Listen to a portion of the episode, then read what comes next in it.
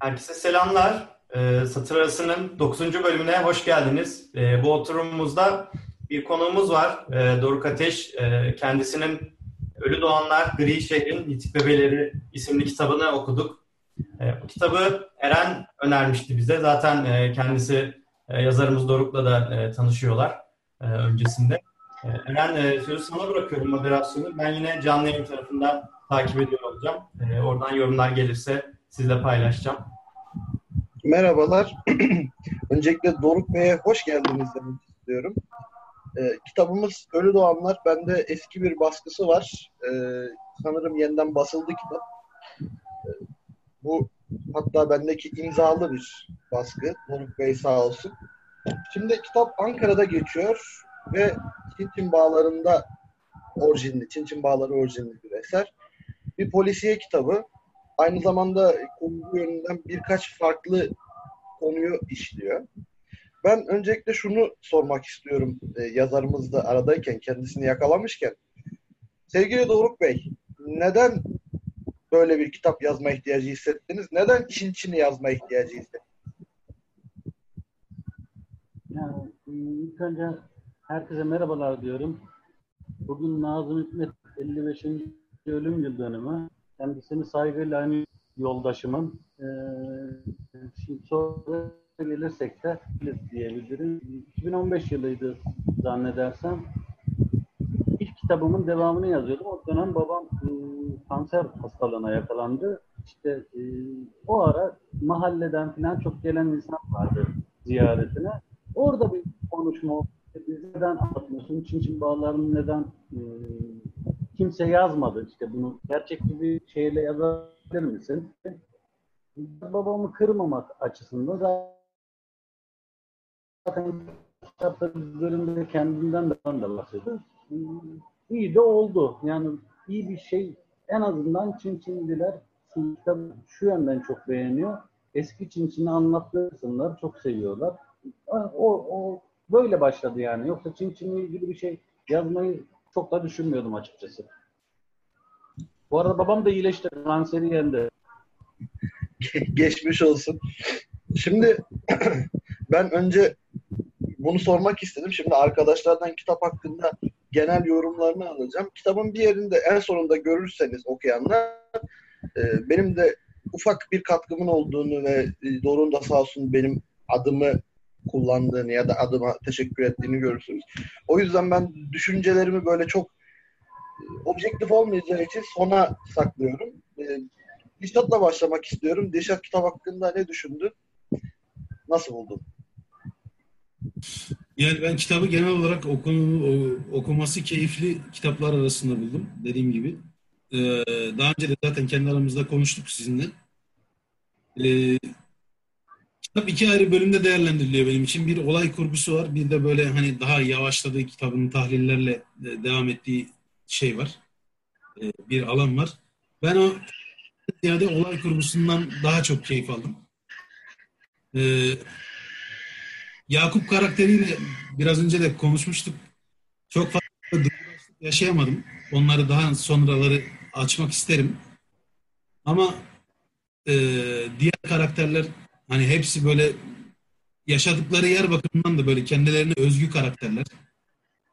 Onların birçoğuyla insan hani ufak ufak da olsa benzerlikler kuruyor.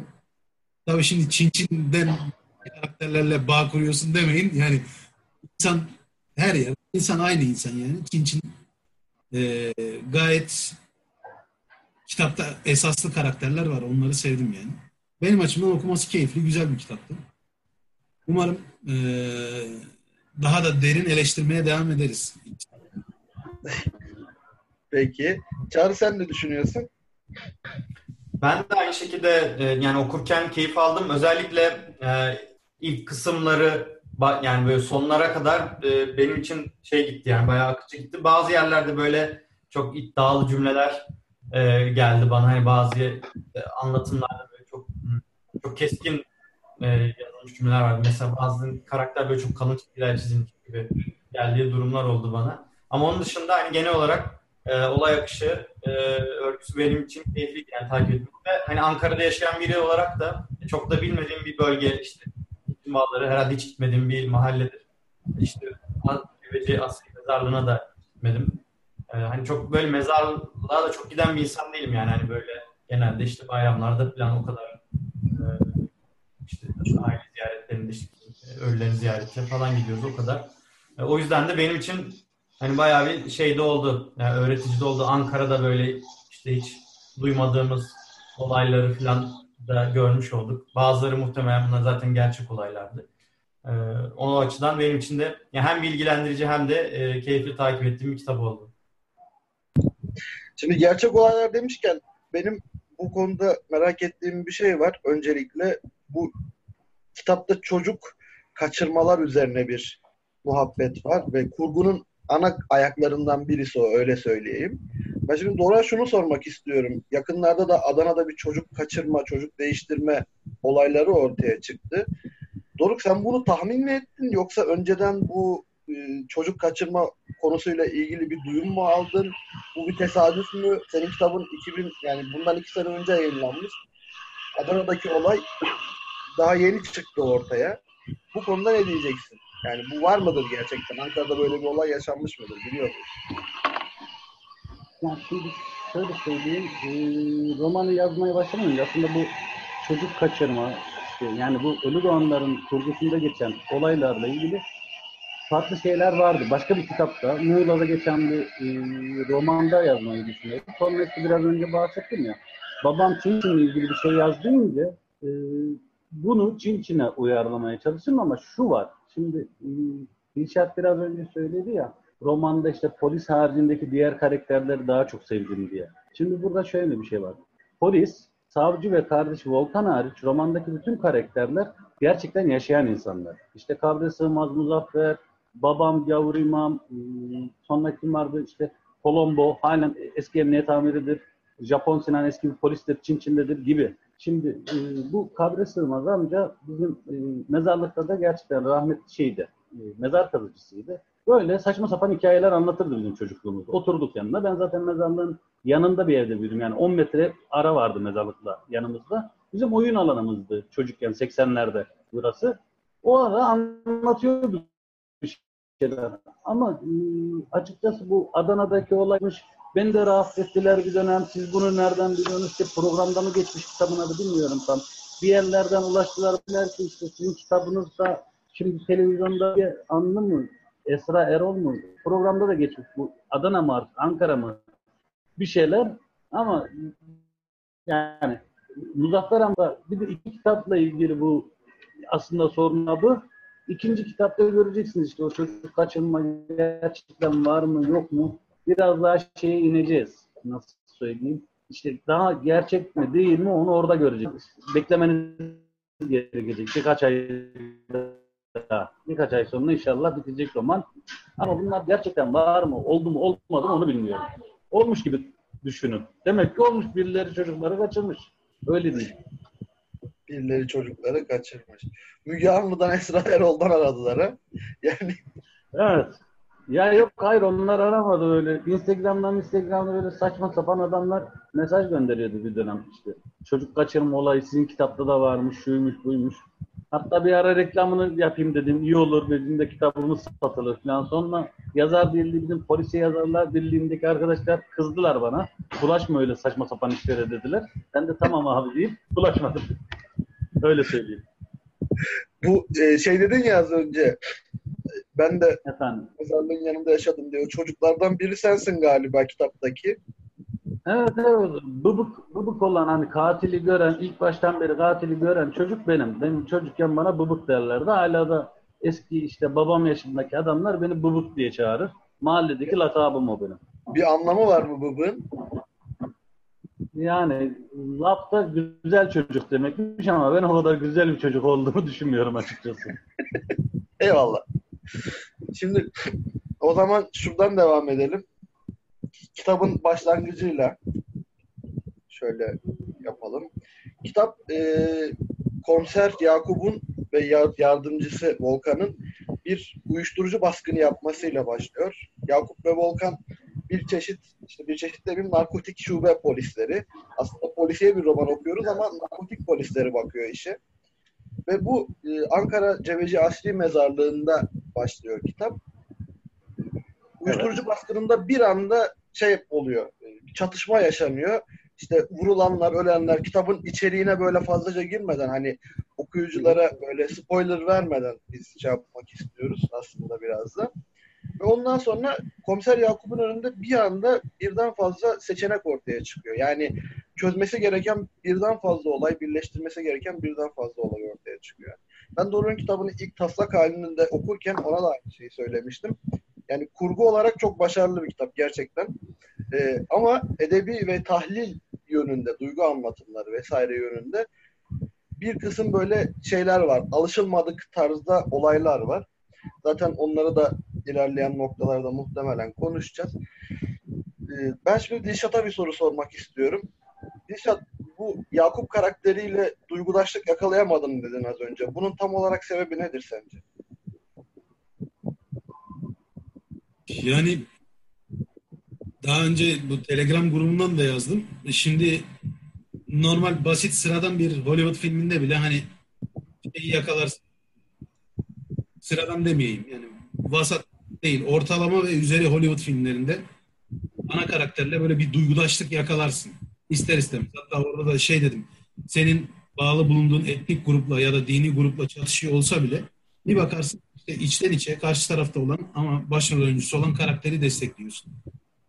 Böyle Hollywood'un ya da işte ne bileyim hikaye anlatıcılığın bir başarısı olsa gerek. Ben mesela Volkan karakteriyle, kitaptaki Volkan karakteriyle bir duygudaşlık yaşadım. Yani onun bir şeyleri yaşadığı dünyadan dolayı işte ne bileyim hani olaylara olabilecek tepkilerini böyle bir anlamlandırdım. Kendime yakın hissettim ama Yakup'la bir türlü olmadı. En son bunu Fetih 1453 diye bir tane film vardı hatırlarsanız. Oradaki başrol oyuncusuyla da böyle hissetmiştim. Ya zorluyorum kendimi adamın yanında olmak için bir türlü hissedememiştim. Aynısını Yakup'ta da hissettim. Yakup Yakup'un yanında olmayı istiyorum. Yakup'la böyle bir, bir tür bir duygudaşlık kurayım, bir bağ kurayım. Ama bir türlü olmadı. Sebebine gelirsek muhtemelen e, bence Volkan'ın şeyi e, background'ı yani hani yaşadığı olaylar Yakup'unkine istinaden daha gerçekçi, daha reel bir temele oturuyormuş gibi geliyor bana. O yüzden Volkan'a daha çok yakınsadım. Yani Volkan'ın işte bu işlerin peşine düşmeye, işte atıyorum uyuşturucu çetesini çökertmek için vesaire çok daha fazla reel sebebi var. Yani çok spoiler vermek istemiyorum. Kitap güzel bu bağlamda çok sürükleyici. Yakup'un sebepleriyle Volkan'ın sebepleri arasında bence realizm açısından farklar var. Ben o yüzden Volkan'a daha yakın hissettim kendimi. Anladım. Ee, Doruk Bey bu konuda söyleyecekleriniz var mıdır? Eleştirilere cevap var. Yok tabii tabii. Elbette vereyim de. Şimdi şöyle, Rişap bir, şey, bir noktada çok haklı. Bizim hem edebiyatımızda hem işte sinemada, e, tiyatroda örneği var mı bilmiyorum. İşte polisiye öykülerde hep e, şeyin nedir o başkomiserin veya ana karakterin bir şey olur, çatışması olur kendi içinde. Çözmesi gereken bir sorun olur. O sorun da çok böyle kıymetli olur. Yani intikam iyi bir sebeptir. İntikam alması için de iyi bir sebep olması gerekir. Ancak ben şunu yapmak istemiyorum. Yani benim diğer romanımı da okursanız, Mabet isimli romanımı okursanız, onda da bir Halil Başkomiserim var. O da böyle çok okurlardan bu yönde çok şey alıyorum ben. Yani işte bu başkomiserler tam olmuyor. Ama aslında benim istediğim de bu. Başkomiserler tam olmasın. Yeterince hayatımızda polis var. Ben iyi bir polis yazarım. Yani tam gerçekçi, öyle yanında adamı dövüyormuşsunuz gibi hissedeceğiniz. Ancak bizim hayatımızda yeterince polis var. Yani bir karakter olsun başkomiser, soruşturmacısı yani ona da çok girmeyin. Asıl sebep mesela ben şunu isterim her zaman. Benim kitaplarımda katil kimden ziyade nedeni iyi yazmaya çalışırım. Neden vurgusunun üzerinde çok dururum. Yani bir eski klasik Agatha Christie veya Doyle'nin kitapları gibi katil kimden ziyade nedene yönelirim. O yüzden de e, polis karakterler üzerinde çok düşünmem.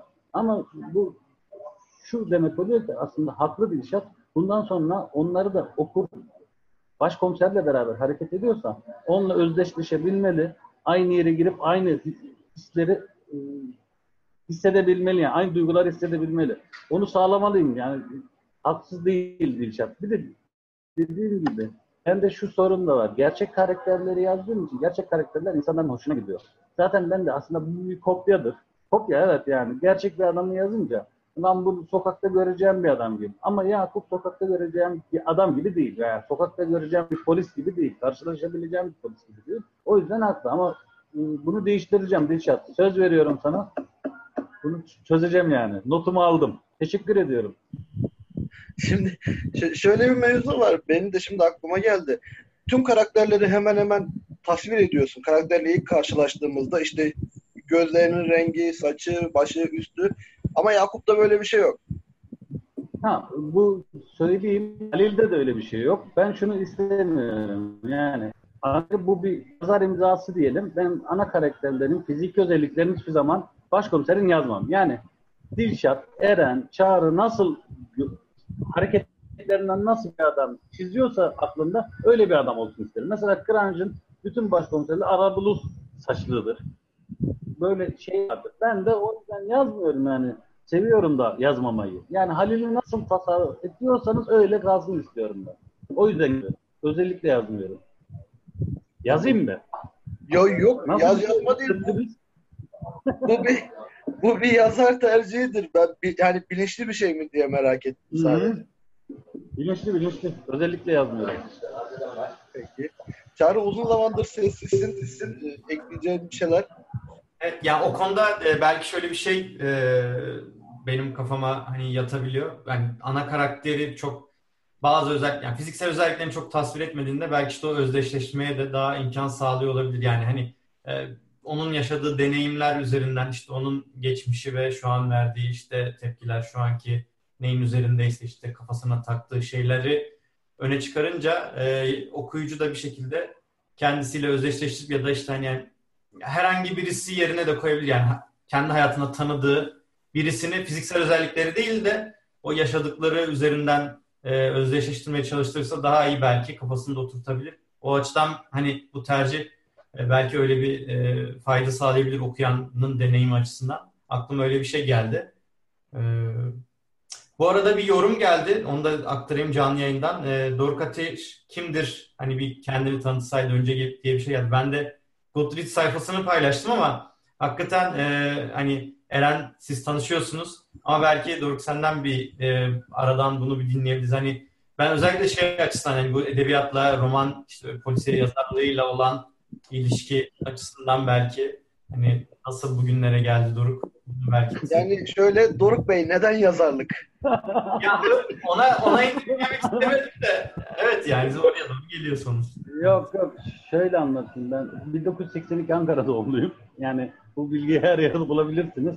Niye yazıyorum? Ee, şöyle aslına bakarsanız geçmişte işte ben Adana'da okudum. Ceyhan'da okudum ilk üniversiteyi. 99 yılıydı. Deprem olmuştu 98'de orada. Sonra 4 yıllık Sakarya'ya gittim. Sakarya'da da 99'da deprem olmuştu. 2000 yılında Sakarya'ya gittim. Ve iki yaşadığım iki şehirde de sosyal hayat anlamda hiçbir şey yoktu. O yüzden yani mecburen kitap okumaya başladım.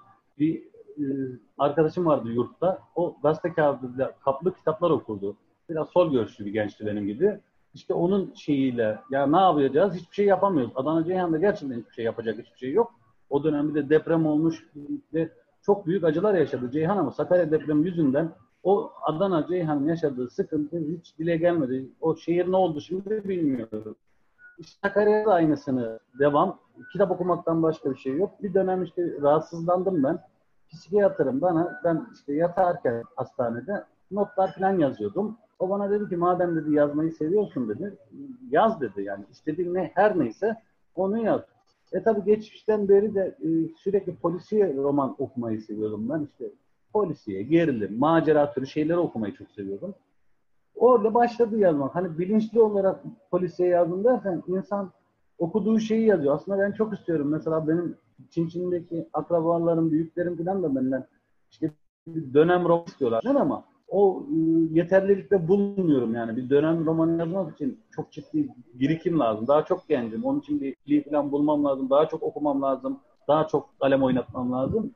Ya doğru tabii sıradan bir insan, sıradan bir hasta, sıradan da bir yazar zaten yani öyle çok aman aman bir adam da değilim. Doruk Ateş gibi Doruk Ateş, Doruk Ateş o kadar öyle değil.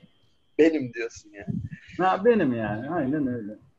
Aslında bayağı bir şey yapmışsın. Yani araştırma çok ciddi bir araştırma var kitapta o belli. Bu ne kadar Ya- sürdü şeyleri Yani- ya- toplamak? İnsanları mesela o sülaleleri vesaireleri onların soy kütüklerini onların hepsi doğru mu bu arada? Evet.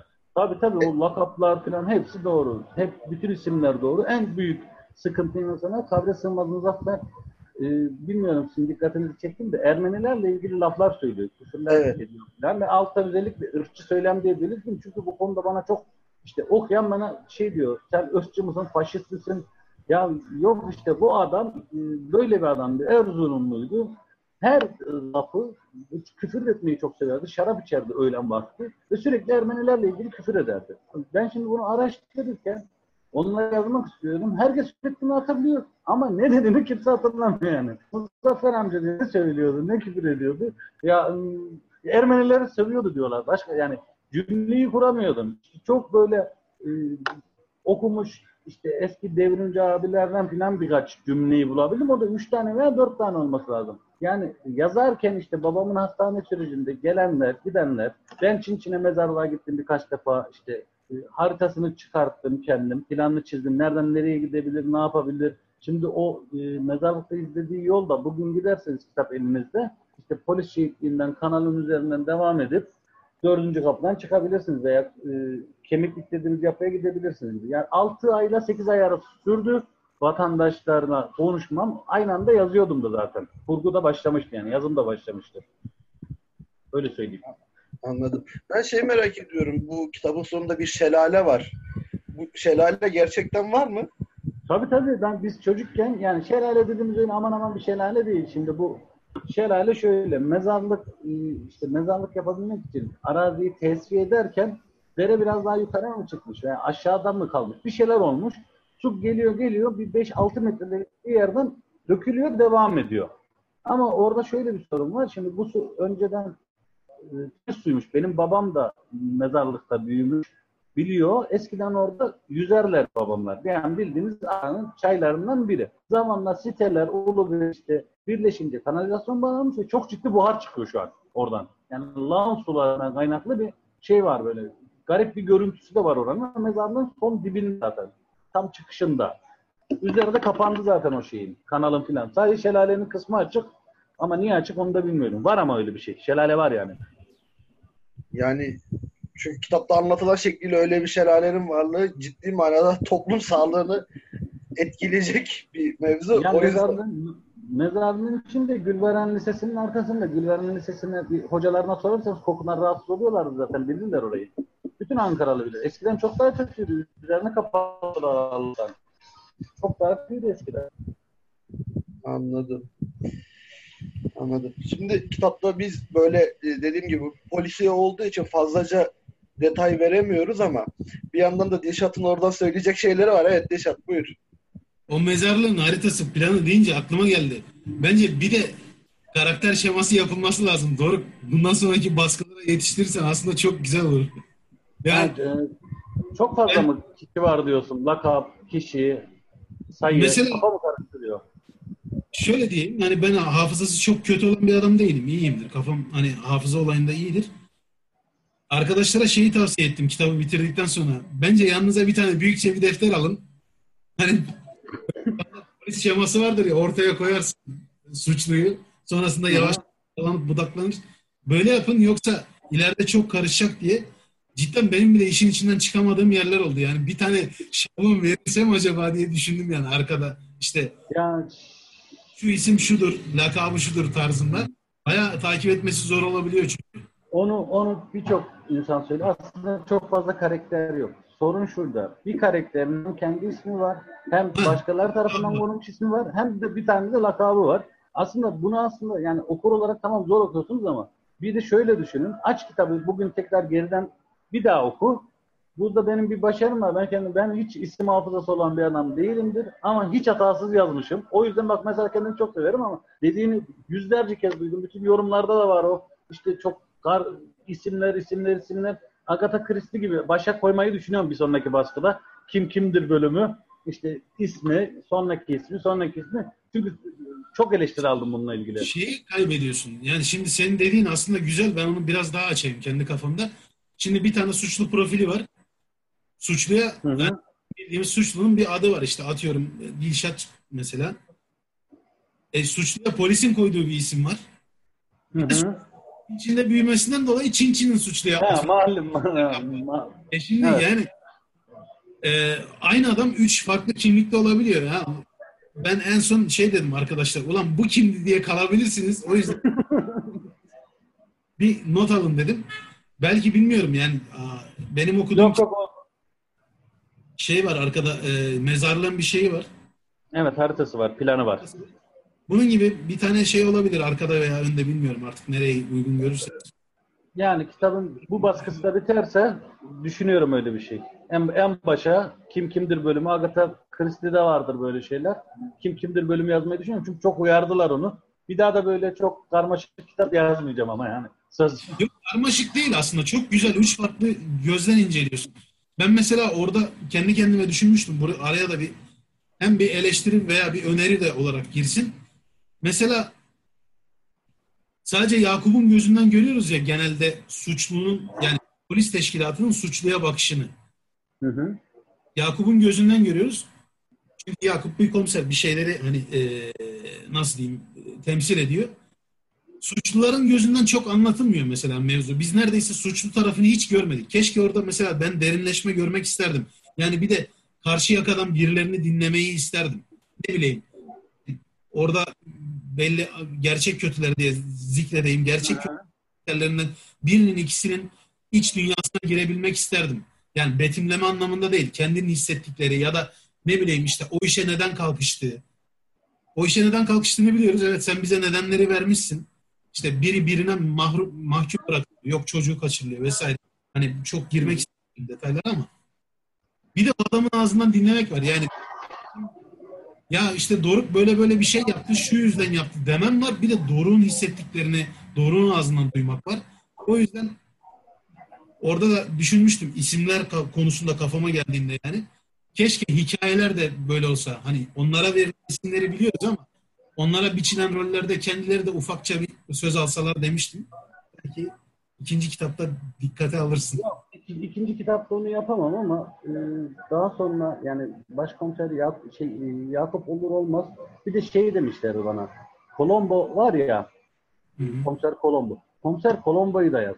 İşte senin dediğin gibi o hırsızların Colombo'yla şeyi, hırsızların gözünden yaz gibi bir şeyler söylemişlerdi. O da aklımda. Ancak şöyle bir sorun var. Şimdi ben bu hırsızlarla, uyuşturucu satıcılarıyla gittim Çin Çin'de görüştüm. Birçoğu arkadaşım. Birçoğunu tanıyorum. Ancak gidiyorsun soruyorsun adamlara. Diyorsun ki ya böyle böyle kitap yazarım ya bırak diyor sen bizim yiyorsun diyor. Söylemiyorlar. Yani şey yapmıyorlar. Nedir o? O içeriye girmek için biraz ondan gerçekten ne hissettiğini bilmek lazım. Ben hırsız değilim ki ben ne bileyim ne hissediyor. Onu gidip biraz hani soruyorsun çok da güvenmiyorlar. Yani eski şey bağlarımız yok. Hadi hepsi çocukluk arkadaşım. Yani yarısı cezaevinde.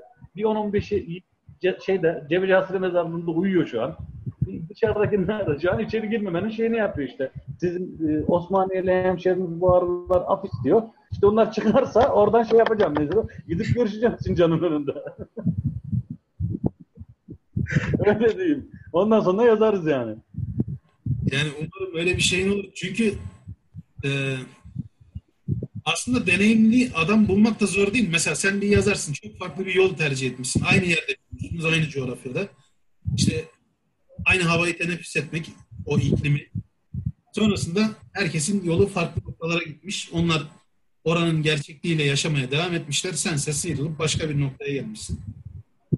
Şimdi ben o adamları anlayamam, anlamlandıramam da. Yani anlayabilirim, şöyle anlayabilirim. Osmanlı'da, Adana'da yaşamaktan dolayı, o işte toplumun altındaki sosyokültürel tabakada bulunmaktan dolayı anlayabilirim. Burada da mesela çok göç alan bir yer burası.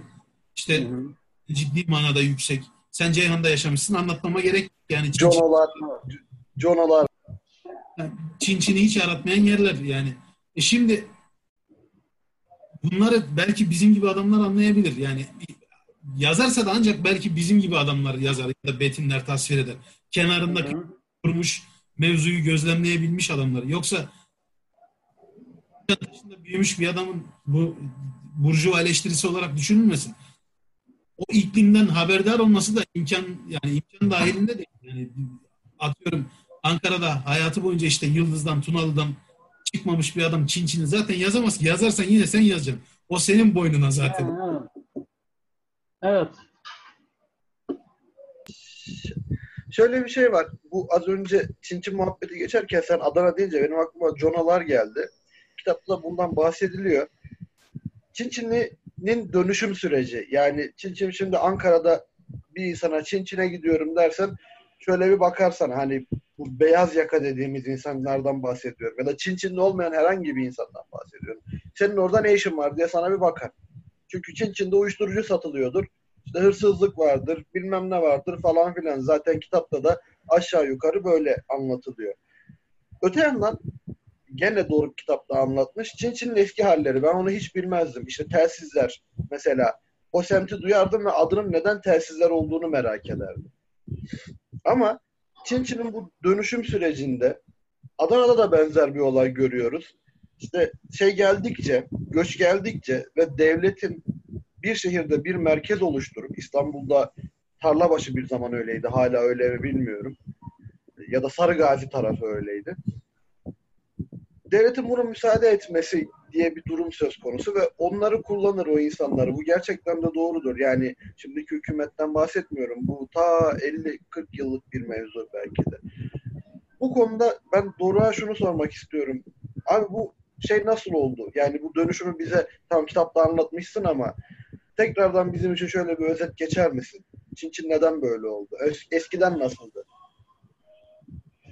Şimdi şöyle ben babamların döneminde anlatmaya başladım. Yani aslında benim dedemler gelmiş. Benim dedem e, Çalışkanlar Mahallesi'nin yaklaşık 20 veya 30 yıl aralığında bir süresi muhtarlığını yaptı. Yani e, zaten Çin 8 tane mahalle, Çalışkanlar da onlardan biri. Ama merkezindedir.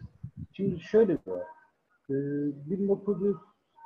1960'tan sonra, ihtilalden sonra işte sol eğilim artması, tamam mı? Ankara yeni yeni büyüyor. İşte eski merkezi Hıdırlıktepe veya işte sizin bileceğiniz kalenin oradaki mahalleler, Hacı Bayram gibi bir merkez var. Daha bu dediğim nerede yani Kızılköy, Ulus var, Hacı Bayram tarafı var ve karşısında e, Banlıyor olarak işte şimdikinin ismiyle Banlıyor, gece onlu bölgesi olarak da Çinçin var. Tamam mı? Zamanla işte her taraf sarılırken burada niyeyse işte onu kimse çözemiyor. Halbuki buralar hani böyle kaçak yerler de değil ha. Devlet arazisi de değil. Dedemler geldiğinde almışlar. Hala da tapıldır. Bizim orada tapılı yerlerimiz de var. Devlet hazinesine konmak gibi bir şey de yok Çin Hepsi şahıs arazisi. 60 ile 80 arası şöyle bir şey oluyor. İşte insanlar Çin gelen de yok. Çünkü Çin dolmuş. Ama hep Erzincan, Erzurum, işte biraz bir Alevi bölgesi var içinde. Bir Alevilerin olduğu bölge var. Bir de şu var. işte Haymana, Kars, Bolu gibi daha farklı yerlerden gelen insana ama Çin Çin'de şu Alevi Sünni kavgası falan 80 zamanında da yok. 80'e kadar böyle. Mesela ben size bir şey söyleyeyim. İşte bugün hani 15 Temmuz destanı diye anlattıkları olay var. Değil mi? Ama ben size söyleyeyim 12 Eylül 1980'de tankın önünde durmuş bir kadın Mama abla dediğimiz bizim mahalleden bir Fatma Revanlıoğlu isimli. Allah rahmet eylesin. Geçen sene, iki sene kadar önce öldü. Tankın önünde duruyor. Gerçekten tankın önünde. Ve bunun hiçbir sosyo yani şey siyasi şeyi yok. Hiçbir şeyi yok. Siz diyor ne yapmaya geldiniz Çinçin'e? Neden burada tank var diyor. Tank, burada ne işi var diyor. Şöyle oluyor. Devlet 80'e kadar işte zaten giremiyor. Yani 74 ile 80 arası Çinçin'e giremiyor polis. Tamamen kurtarılmış bölge. Yani çok, geçen sene yıkılmamış olsaydı kitaba koyacaktım. Çok büyük bir yazılama var mesela. Harfin birinin boyu 15 metre. Bildiğiniz iskele vurmuşlar işte Kurtuluş'a kadar savaş yazıyor. Ama devasa bir yazı. Yani bugün ODTÜ'de devrim yazısı var ya, onun büyüklüğünde bir yazı kocaman bir duvarın üzerine öyle kurtarmış bir bölge. 80'e kadar böyle ne polis girebiliyor ne şey zaten o dönemde çok böyle hırsızlık, uyuşturucu, uyuşturucu hiç yok zaten. 80'den sonra şu oluyor. 80'den sonra bir devrimciler tamamen ortadan kayboluyor. Nasıl oluyorsa yani bütün solcular, bütün o çocuklar tamam cezaevine girene ölene zaten bir şey denmez ama geride kalanlar da birden ortadan yok oluyor. Yani solcu kalmıyor hiçbir yerde. Bu adamlar ne yapıyor? Geçinmek zorundalar. Şehir yer değiştirmiş. İşte Ulus'tan Kızılay'a kaymış. Kızılay da artık şey oluyor. Nedir o? Yer değiştiriyor. Ticaret hayatı kaymış. Kaçabilen kaçıyor. Kaçamayan da işte gayrimeşruya takılıyor. Bu da bu da şununla alakalı. Şuradan kaynaklanıyor. 80 öncesi girilemediği için Çin Çin'e bu sefer hırsızlar, gayrimeşruya uğraşanlar orada kendini konumlandırıyor. Korunmak için. Buraya nasıl olsa polis girmiyor 80'den sonraki dönemde de. İşte para parayı çekiyor. Bu sefer para kazanıyorlar. Ne oluyor? 90'ların başında işte ben ortaokul, lisedeyken şu olmaya başladı. Uyuşturucu girmeye başladı. Zaten 2000'den sonra tamamen yıkıldı Çin Çin. Şöyle yıkıldı. 2010'da yıkılmaya başladı. 2000'den sonra işte bu çalışan kesim de ta- tamamen kaçtı gitti. Şeye kaldı. Gayrimeşru adamlara kaldı. Gayrimeşruyla uğraşan hırsızlara işte şeyle polis niye girmiyordu 80'le 95 arasında? Şunun için girmiyordu. Polis işte Colombo gibi adamlar şunu yapıyordu. Eskiden hırsızların isimleri var hani kitapta da geçiyor ya. Farklı farklı hırsızlık mesleklerinden bahsediyor. Mesela ototeyipçi var. Polis 5 tane araba çalınmış. Gidiyor hır, Çin'deki ototeyipçi hırsızını buluyor. Çünkü adam ototeypi çalıyor ve bunlarda öyle bir mesleki ahlak var ki ototeyipçi duyumcu açık görse girmiyor içeri. Bir şey çalmıyor. Onun mesleği ototeypi çalmak. Sadece ototeypi çalıyor. İşte atıyorum bir tanesi yan kesin sadece yan kesicilik yapıyor. Farklı bir şey yapmıyor. Öyle de bir meslek ahlakları olsun. Çok garip bir Bugün bak mesela aynı iş şunda devam ediyor. Eroin satan sadece eroin satıyor, esrar satıyor, hap satıyor. Böyle sa- saçma salak bir şey de var. Ne bileyim yani bir torbacıya gidiyorsun, esrar aldığın yanında kokain elim yok. Esrar ayrı, kokainci ayrı, eroinci ayrı. Hepsine ayrı ayrı gezmen gerekiyor. Böyle bir meslek anlayışları.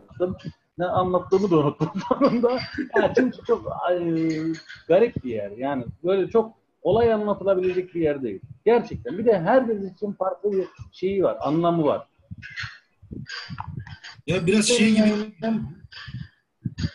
e, mesela her şehirde üretilen tarım ürünlerine göre Türkiye birazcık tarım toplumu olduğu için e, onun şeyini kurarlar işte sitesi olur. Mesela Osmaniye'de fıstık yer fıstığı çok yetişir. Fıstıkçılar sitesi olur. Girersin e, 100 tane 150 tane yer e, ticareti yapan dükkan vardır. Ya bu tip mekanlar işte Tarlabaşı, Hacı Üstü, Çin Çin, Adana'da işte Kiremithane, Sinan yani Sinan var. Bu tip mahallelerin birçoğu şey gibi oluyor. Aslında polise biraz da kolaylık sağlamıyor mu yani? Devlete kolaylık sağlıyor. Evet. Biliyorsun. Kesinlikle arada adamı çok rahat buluyor. Ha, yani şey gibi Evet, Otur- arada adamı çok rahat. gibi yani devlet geliyor hiç efor sarf etmeden adamı alıyor, paketliyor. Aynen öyle. Bir de işte orada kriter ne mesela? Kriter şu değil. Ya bu adam sivil bir adamın canını yakmış mı? Ne bileyim malına, canına gasp etmiş mi? Bu değil. O adamın oradan alınması sebebi işte devleti ne kadar rahatsız ettiği. Aynen öyle. Evet.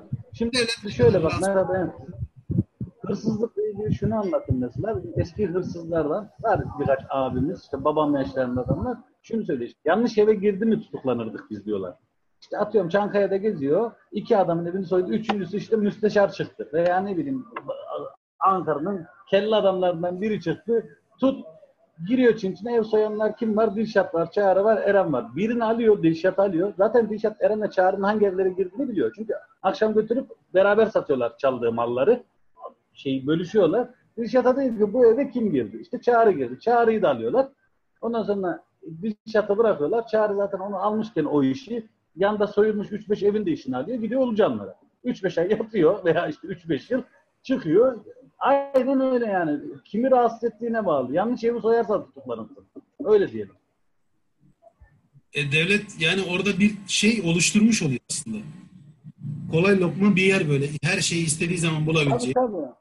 E, ne derler ona? Bir, bir, bir nevi mesela IŞİD olayı da bana öyle gelmişti. Biraz büyüteceğim kafamdaki mevzuyu. Böyle bir spotlight yaratıyorlar. Yani bal döküyorlar bir yere. Yeterince yiyecek olduğunda etrafta ne kadar haşere varsa hepsi toparlanıyor. Sonra çemberi daraltıp o balın üzerini kapatıp ne kadar haşere varsa öldürüyorsun. Bir süreliğine bir süreliğine istersen tabii o da bataklığı kurutuyorsun. Bir sonra yani ki zamana yeniden bir bataklığa ihtiyacın olana kadar. Sonrasında tekrar yine aynı yere balı döküp haşereyi toparlayıp yine aynı şeyi yapıyor. Ama sanki Çin Çin işte ne bileyim her şehirde bir sürü var o getto mahalleleri, banliyöler diyelim. Yavaş yavaş e, devirleri geçiyor gibi artık mekansal olarak böyle bir gittiğinde AVM gibi bütün hırsızları bulabileceğin bir alandan ziyade daha underground olmaya başladığı gibi suç. Daha çok yayıldığı için aslında hiç görünmüyor. Önceden belli bir mekandaydı. Mesela Yeni Doğan, Çin Çin bilirdim. Ama artık suç daha underground, daha böyle homojen, iyice yayıldı. O yüzden devletler bu işlerden çok hoşlanmıyor gibi geliyor bana. Bir tamamen yayılmasındansa suç alanının, suç mahallenin belli bir noktaya yayılması devletin daha çok işine gelir. Emniyet her zaman e, adamları yakalayabileceği bir yerde olmasını ister. Yani e, hırsızların tüm şehre yayılmasındansa uyuşturucu da bu böyle. Yani bütün uyuşturucu satıcılar Çin Çin'de. Bugün taksicilerin Ankara'daki en büyük iş kaynağı Çin Çin. Çünkü bütün müşteriler Çin Çin'e gidiyor geliyor gibi düşünün. Yani işi tanımaya da aslında doğru söylüyorsun. İşte bir bölge yaratıyorsun. Orada işte topluyorsun. Çünkü dünyanın her tarafından adamlar gitti orada işte. Cihatçılar savaştı. Birçoğu öldü, ölmedi. Ama şöyle bir şey var. Şimdi o, aynı IŞİD'de söylediğin gibi bu adamlar rahat durmuyor. IŞİD'de de işte balı yiyor. Orada yakalayabildiğini yakaladın ama yakalayamadın. Oradan gidiyor başka yere pisliğini dağıtıyor. Ah, Çin Çin için de aynı bu. Veya başka bölgeler için de aynı. Ve dediğim gibi artık devlet hala istiyor. Çin Çin gibi bölgeler olsun. Gerçekten suçlular bir bölgede yaşasın. Kendi kendilerine ne halleri varsa görsün. Tamam mı? Ama ben de gideyim istediğimde işte çok rahatsız ettiğinde, beni rahatsız ettiğinde gideyim halim işte bu huzur operasyonu. Ben Çin Çin'e yani aklım ne zaman erdi diyelim 6-7 yaşındayım. İnsan aklı ne zaman erdi? O günden bu zamana kadar yüzlerce kez açın YouTube'u, Google'u yüzlerce kez huzur operasyonu. Ben daha Çin Çin'e huzur geldiğini görmedim. Yani bütün evleri yıktılar, değiştirdiler. Toplu konut yaptılar. Hala huzur gelmedi. Gelmezler. Çünkü yani bu şey değil ki kafanda değiller bunu insanlar. Kaçabiliyorlar oradan. Yani hepsini bir yere toplayıp öldüreyim, üzerine atom bombası atsam bile gene kurtulurlar. Çünkü hırsızlar öyle, kara fatma gibidir yani. Nükleer şey onlar vurmaz. Mutlaka çıkarlar. Tabii ben bu insanların hepsini de çok seviyorum ama bence yani hırsızlığı engellemek için hırsız yakalamayacaksın. Hırsızlığa sebep olan işte sebep her neyse onu çözeceksin ki hırsızlık olmasın. Uyuşturucuda da aynı. Öyle söyleyeyim. Çağrı uzun zamandır sessiz. Ee, uyuya mı kaldın? Ne oldu Çağrı? Ya evet şey uyumak değil de biraz hastayım o yüzden e, böyle bir dalgınlığım var. Bir de şey canlı yayını bir yandan takip ediyorum. Ee, şimdi yorum gelmiş gene bir tane. Ee, ya aslında direkt kitapla alakalı değil ama ben biraz onu dönüştüreyim. Ee, işte en sevdiğin e, kitap, film, e, kişi kimlerdir diye bir soru gelmiş. Ben de şunu biraz bağlamak istedim. Şimdi bu Çin Çin'de bir gerçek hayat hikayelerinden de esinlenerek gidiliyor. E, mesela ben bir şey izlemiştim dizi The Wire diye e, bir Amerikan dizisi. Bayağı da böyle efsane bir dizidir yani böyle kaç 10 sezon mu ne sürmüştü. Şeyde geçiyor. E, Amerikan Maryland'de geçiyor bu zencilerin e, mahallelerinde falan geçiyor. Ve işte orada bu uyuşturucu satıcıları falan var. Hani orada biraz e, şey geldi aklıma. Hani alakalı olabilir diye. Hani izlemiş miydim bilmiyorum ama The Wire dizisi böyle e, tavsiye ederim. Şeyde de böyle sosyolojik derslerinde falan bile örnek olarak anlatılan bir dizidir yani. E, orada da mesela böyle onu izlerken şeyi çok hissetmiştim ya. Gerçekten gerçek hayatlar burada anlatılmış gibi hissetmiştim. Mesela burada da e, kitapta da benzer şekilde işte o Çin Çin'deki karakterler zaten birçoğu da gerçekmiş. E, yani gerçek insanlardan esinlenmiş. E, hakikaten gerçek insanlardan olduğu zaman e, insan daha iyi bunu yani hissediyor e, ve benimsiyor. E, o açıdan ben şey yaklaşımın benim hoşuma gitti açıkçası. Yani tanımadığım insanı ben nasıl anlatayım? E, hani önce bir tanımak lazım. E, tanıdıktan sonra anlatabilirim yaklaşımı. Ben gerçekçi olmak için, bu gerçekçi olmak için söyledim. Yani e, ben gerçek şeyler, gerçek insanları, gerçek öyküleri yazmak istiyorum. Gerçeği ha. anlatmak iyidir. Çünkü bizim yani şöyle bir şöyle söyleyeyim Çağrı, son 15 yıldır Türk Edebiyatı'na bakar mısın? Ben sana son 15 yılda bir toplumu etkileyebilecek yüzlerce olay anlatabilirim. Gezi hareketinden tut, Doboski'ye ne bileyim işte ıı, Susurluk. Susur, susurluğu var, işte mevcut siyasi iktidarın bir ton şeyi var. Yazabilen var mı? Yani şöyle bir Türk Edebiyatı'na bakıyorum. Yok. Ben çok yazmak. İşte ya korkum morkum da yok mesela. Yani ama şöyle insanların korkusu var. Gerçek bir hikaye yazabilmek için o gerçeği yaşayan insanlardan bunu dinlemen lazım. Hadi anlatamıyorlar, korkuyorlar. Halen daha korkuyorlar. Tamam gördüğünü anlatırsın. Bugün geziyi yazarsın. Ama bu sefer de onun üzerine reklam yapıyor derler gibi. Ben şunu söyleyeyim. İzlediğim tek dizi de hani sen sordun ya e, şey Shameless diye bir dizi var hani şu ne diyor ne diye çevriliyor? Shameless. Shameless. Ha, ha işte her neyse benim telaffuz sorunum var. İngilizcem yok. Ee, bir tek onu izliyorum. Fazla polisi, dizi, film hiçbir şey izlemiyorum. Mümkün seviyorum. Yani e, zaman buldukça yazmadığım şey dönemde sürmeyi seviyorum. Ben çok görsel sanatlarla şeyim yok. Alakam yok. Onu söyleyeyim. Yayın gitti mi? Biriniz ses çıkartın. Bir, bir, bir gitti senin. O son şeyi bir daha tekrar eder misin? Anlaşılmadı. Shameless'tan sonrasını tam anlayamadım. Shameless'tan sonra Ya şöyle işte yani ben bir tek Shameless izliyorum. Shameless haricinde yani sinemaya zaten gidemiyorum bir rahatsızlığımdan dolayı. Kapalı alanda falan duramıyorum. Evde de çok televizyon açmayı seven bir adam değilim. Mümkün mertebe okumaya çalışıyorum.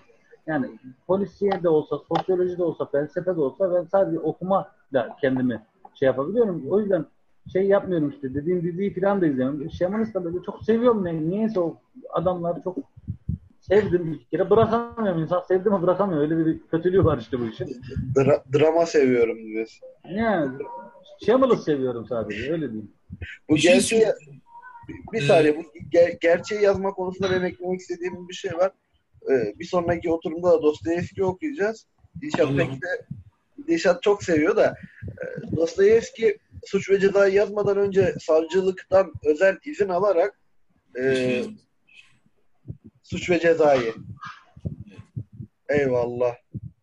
E, Do- Doruk'un bakışları her şeyi anlattı şu anda. Suç ve cezayı yazarken savcılıktan özel izin alarak 6 ay boyunca seri katillerle ve idam cezasını bekleyen mahkumlarla görüşmüş.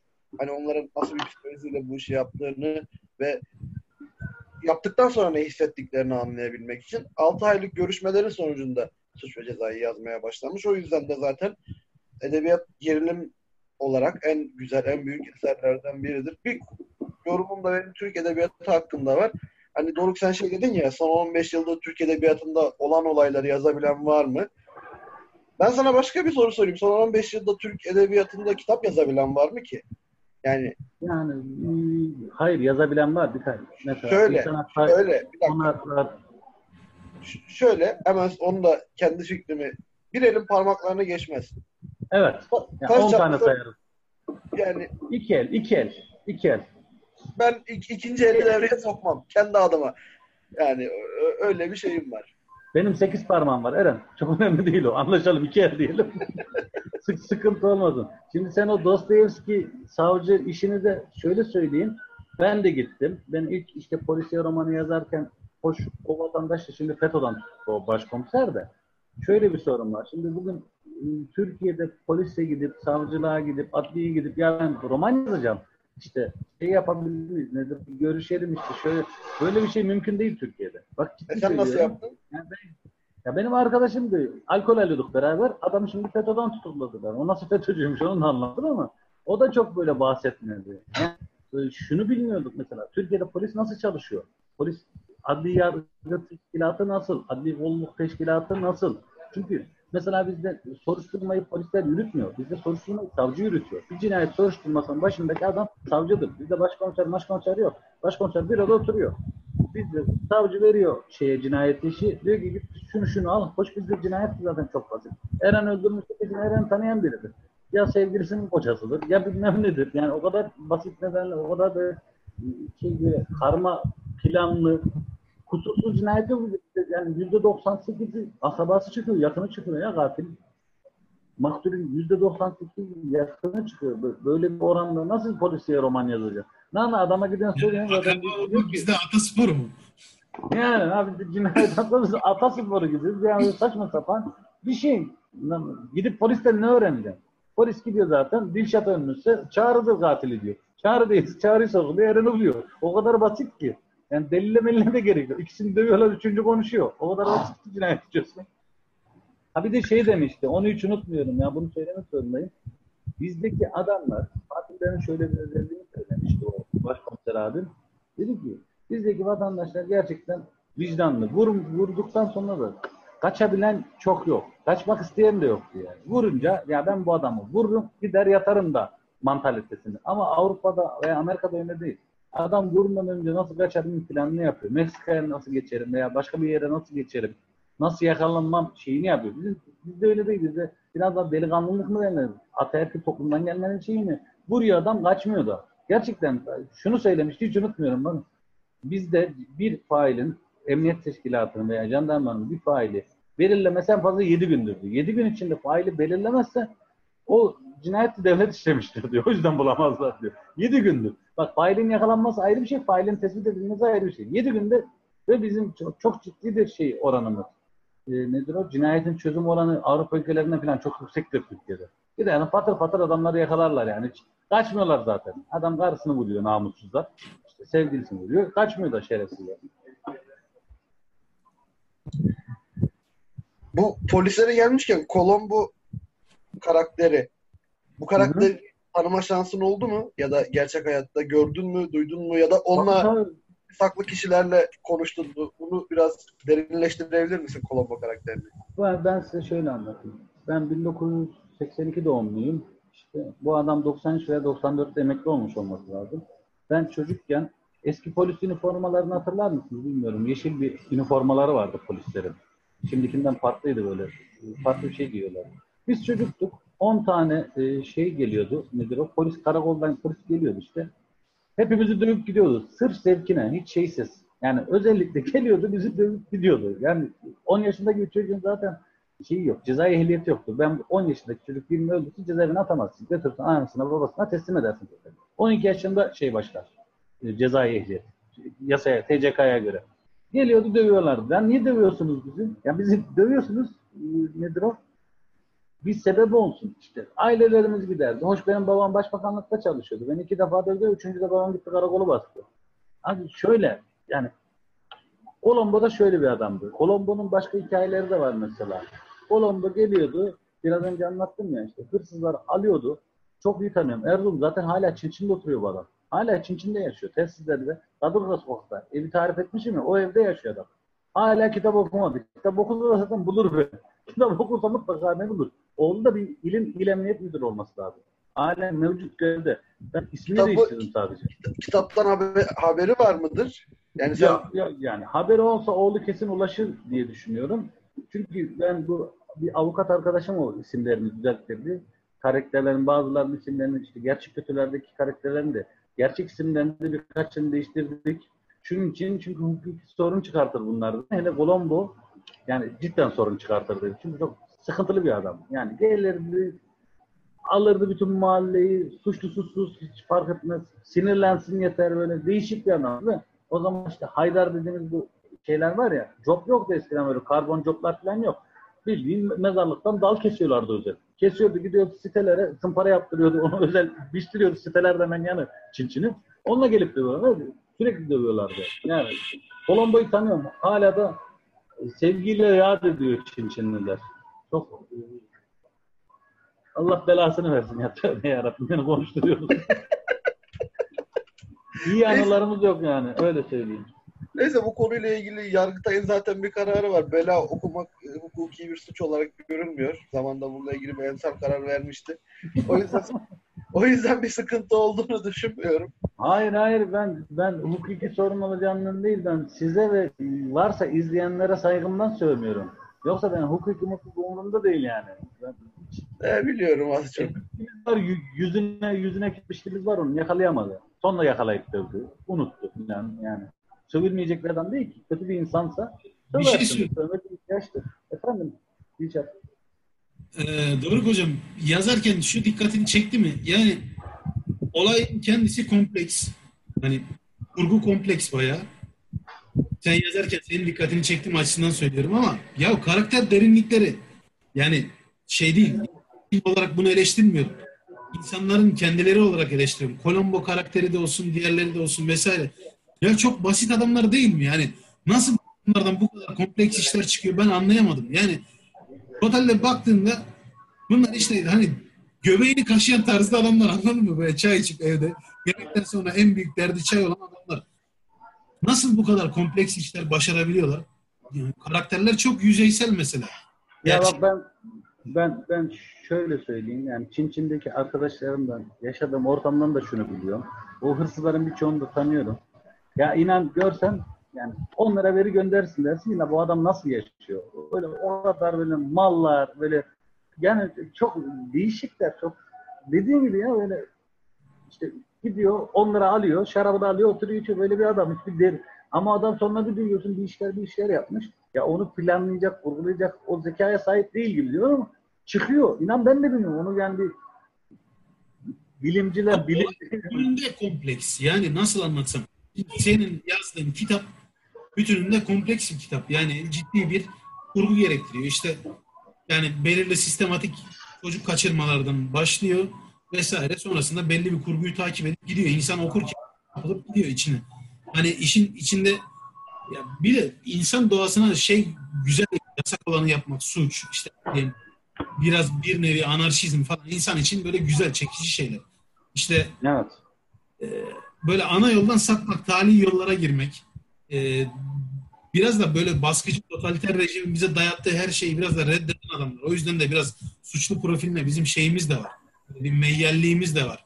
Seviyoruz da yani ister istemez. Çünkü bizim gibi Orta Doğu toplumlarında her şeyin sınırları önceden belirlenmiştir. Mesela biraz önce yaptığın açıklama ne kadar işte polis yüzde 98 şeyi biliyordur. Maktulün kimin öldürdüğünü. Şu biliyordur, bu biliyordur. Bizde de mesela Türkiye'de de aklıma gelen örnek olarak konuşacağım. Suriye ile ilgili bir şey söylediği, söylendiği zaman Beşar Esad'ın babası Hafız Esad işte şöyle oldu, böyle oldu. Yani suçluları hızlı yakalıyorlar falan. Tabii ya orada el muhaberat var ya. Onlar hiçbir şey kaçırırlar mı? Hemen çat diye gider yakalarlar. Hafız Esad'ın işte el muhaberat. Aslında bu Orta Doğu toplumu olmaktan geliyor. Devlet burada her şeyin tekeli, her şeyin sahibi. Bütün yani mülkün sahibi Allah'tır derler ya. Yok buralarda mülkün sahibi devlettir. Her şey. Devlet her şeyi bilir. Böyle pat diye yakalar. El muhaberat yani bizden bir doğuda daha da böyle işler şey. Suriye'de hiç kaçmaz o işler. Hep, Türkiye'de hep öyle bir öykünme vardır. Bilmiyorum. Polisiye yaz- yazdığın için mutlaka duymuşsundur.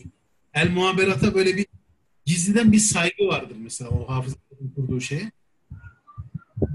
Şeyi diyeceğim yani hani olayın bütünü çok kompleks ama içeride rol alan adamlar bir tanesi iki tanesi dışında yani Haşmet yazdığın şeyde Ama işte yönetenler onlar ya zaten. Yöneten Haşmet.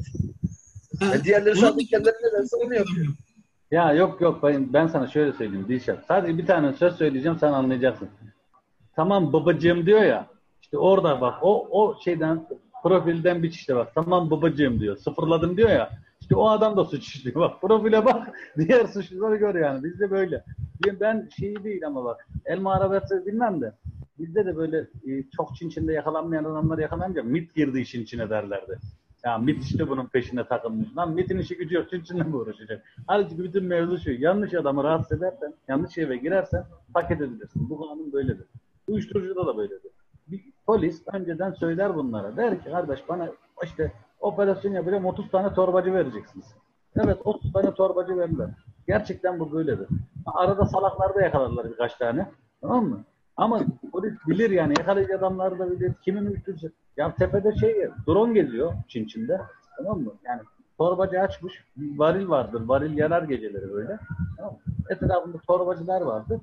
Drone da yukarıdan sürekli kim mal alıyor, hangi araç alıyor. Hepsini görüyor. Ya bu çok, ya zaten kanıt bu. Yani al hakimlerinizi. Yemin ediyorum Ankara'nın yarısını içeri atmaları gerekiyor.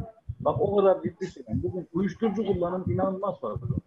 Tamam. Bir- Şunu da söyleyeyim size. Bir kitabımı bir tane Ankara'da narkotik polisi okumuş. İşte sağ olsun Face'den yazdı, telefonu verdim. 3 saate yakın konuştuk. Ya diyor işte, teşekkür, silahlı teşekkür etti. Takdir ettiğini söyledi. Yani Çin Çin'i gerçekten çok iyi anlatmışsın. İşte şeyi anlatmışsın. Adam şunu diyor. Ya diyor biz diyor bütün isteriz diyor. Bütün torbacıları almayı isteriz. Bütün uyuşturucu almayı isteriz. Ama diyor üç gün sonra diyor Ankara'da bütün hastaneler dolar diyor. Bütün uyuşturucu bağımlıları hastanelerin kapısına yiyorlar diyor. Ve gerçekten böyle. Yani şimdi bu adamlar ihtiyaç. Uyuşturucu bağımlısı hiç bilmiyorum. Hayatımızda karşılaştım. Ben gördüm. Yüzlerce gördüm. Hem hastalığım sebebiyle gördüm hem Çin içinde yaşadığım için gördüm. Bu adamlar ona ulaşamazsa Her şeyi yaparlar. Çünkü akli dengelerini kaybediyor. Ha, bilerek yapmazlar bak. Adana'dan falan da bilirsin. Yani uyuşturucu gerçekten zihni. Eskiden tinerciler vardı. Sokaklarda falan denk gelirdiniz. Bilmiyorum siz hatırlar mısınız? Tinercilerden daha ver bak. Yani bugün eroin dediğin şey ben size söyleyeyim Çin içinde günde 10-15 kilo satılıyor. Ki yani eroin böyle şey bir maddedir. O öyle yarım kilo kullanamazsın yani gram gram. Gramın onda biriyle falan satılıyor bu. O maddeyi düşün. Bu kadar çok alıcısı var. İnanın. E şimdi sen bu adamları satmadan ne olacak kardeş? İşte senin evi yakacaklar Dilşat. Gelecekler senin evi ver baba diyecekler ağrı kesici. Gerçekten böyle. Sorun bir eczaneci arkadaşınıza nöbetlerde neler yaşıyorlar insanlar ya. Öyle diyeyim size. A- aklıma şey geldi. Demirel'e soruyorlar ya genel evleri kapatacak mısınız Ha. diye. Aynı, aynı mevzu. Kapatalım da bize mi diye soruyor yani. Uyuşturucu demişken aklıma şey geldi. Bu kitapta sanki uyuşturucu konusu biraz havada kalmış gibi ya Doruk. Yani o askeri savcı falan filan o kısmı bilerek mi bıraktın yoksa başka bir sebebi var mı? Yani şöyle bir de uyuşturucunun şeyini anlatırsam nasıl geldiğini nasıl ki onu da soruşturdum, araştırdım.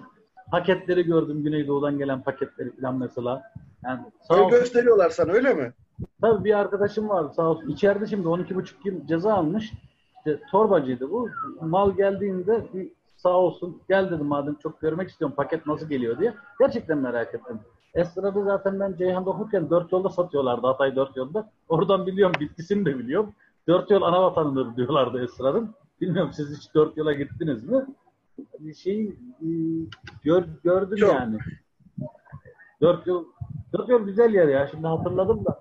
Örtel Öyle Osman'a yani. çok yakın ya. Orada Deli Gonca diye bir eser var. Bayağı meşhur Türkiye piyasasında. Çok satılıyor biliyorum ben. Evet evet öyle diyorlardı yani biz öğrenciyken. Adana'da okurken. Öyle söylüyorum. Ben de şu- şundan dolayı şimdi bir ara ara çünkü o askeri savcıya falan değiniliyor. Ya, Soruşturmanın şimdi- askeri kısmına değiniliyor kitap. Eren ha onu söylemeyi unuttum. Ee, çok affedersin sözünü de kestim. Şimdi ikinci kitapta zaten işin e, soruşturmayı bu sefer askeri savcı alıyor. Bir askeri savcı giriyor bu sefer soruşturmanın içine. Orada uyuşturucunun ne olduğunu anlıyor. Bizim konumuz yani benim kitapta yazmak istediğim konu zaten uyuşturucu değil. Onu diyordum. Başında yani ilk başta bir veriyor. Biraz olaya girmesi için. Bir de ben şunu istedim bak. Yani siz iyi oku- okuyucularsınız. Bana şu soruyu sormadınız. Behzatçı'dan bahsettiğim bir bölüm var. Çok kısa bir Behzatçı'dan bahsedeyim. Soracağım. Ha. Soracağım. Şimdi ben mesela e, şunu söyleyeyim. Benim için Ankara Cinayet Masası amiri Erdal Beşikçioğlu'nun oynadığı, bakın Emrah Serbest'in yazdığı demiyorum. Erdal Yazdığı Beşik- Yazdığı değil. Erdal Beşikçioğlu'nun oynadığı Behzat'tı. O yüzden yani Ankara'da polise yazmak da hiç aklımda yoktu. Hani ilk başta yayının başına söyledim ya babamın isteğiyle yazmaya başladım diye. O yüzden bana bir tane neden lazımdı. Yani bir narkotik polisinin lan cinayet iş, şey yapabilmesi için nedir o? Soruşturması için bir neden lazımdı. Biraz onunla alakalı o uyuşturucu tamam uyuşturucu satıcısı olduğunu şey narkotik başkomiser olduğunu söylüyor. Ondan sonra derdimiz zaten kurgunun hiçbir kısmında da ilk başlıktan sonra narkotikle alakalı bir şey yok. Bizim derdimiz bu çocuklara ne oldu? Bu çocuklar nerede büyüdü? Bu çocuklar ne olacak? Bütün derdimiz bu. Derdimiz çocuk yani. Eğitim şart. Eğitim Evet. şart. Evet.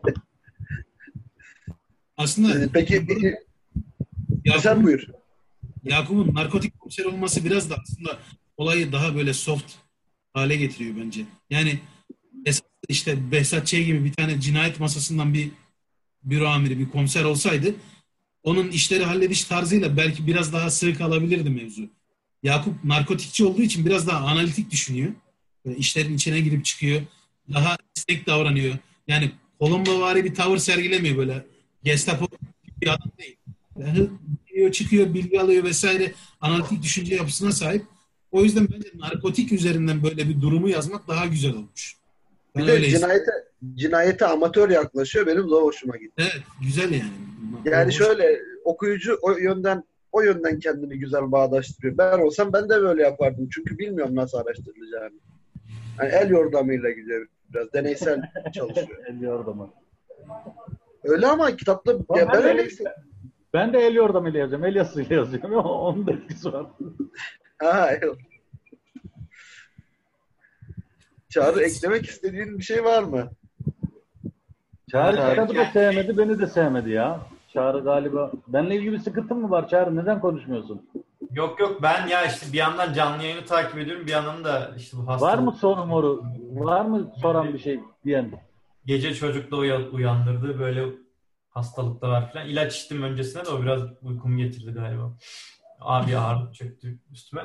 Ee, Behzat Ç. ile ilgili evet, ya onunla ilgili ufak bir cümle geçiyordu şey amir diye ee, cinayet başkomiseri diye cinayet büro başkomiseri bilmiyorum bir önümüzdeki kitapta yine böyle şeyler olacak mı yollarının kesiştiği yerler olacak mı Ee, ama yani şeyini bekliyorum ben de merak ettim yani şu an. Bir Ya yok şöyle, şöyle söyleyeyim. Onunla ilgili de Emrah Servis'e ulaşmaya çalıştım. İşte bu kitap yayınlandı. Aslında finalde ben Behzat'ı yazmak istiyordum böyle. Yani ikinci kitabın finalinde Behzat'ın ortaya çıkmasını istiyordum. Ancak ne Emrah'a ulaşabildim. Zaten ondan çok kısa bir süre sonra da işte bu kaza başına meydana geldi. Daha doğrusu gitti insanları öldürdü. Öyle söyleyeyim. O yüzden artık Behzat Ç'yi yazamam. Çünkü yayın hakları onda. Yani o karakterin bütün şeyi on. Emrah Serbest'in izni olmadan tekrar Behzat Ç'yi dikkat edin zaten ismini vermiyor. Sadece bir tanım yapıyor.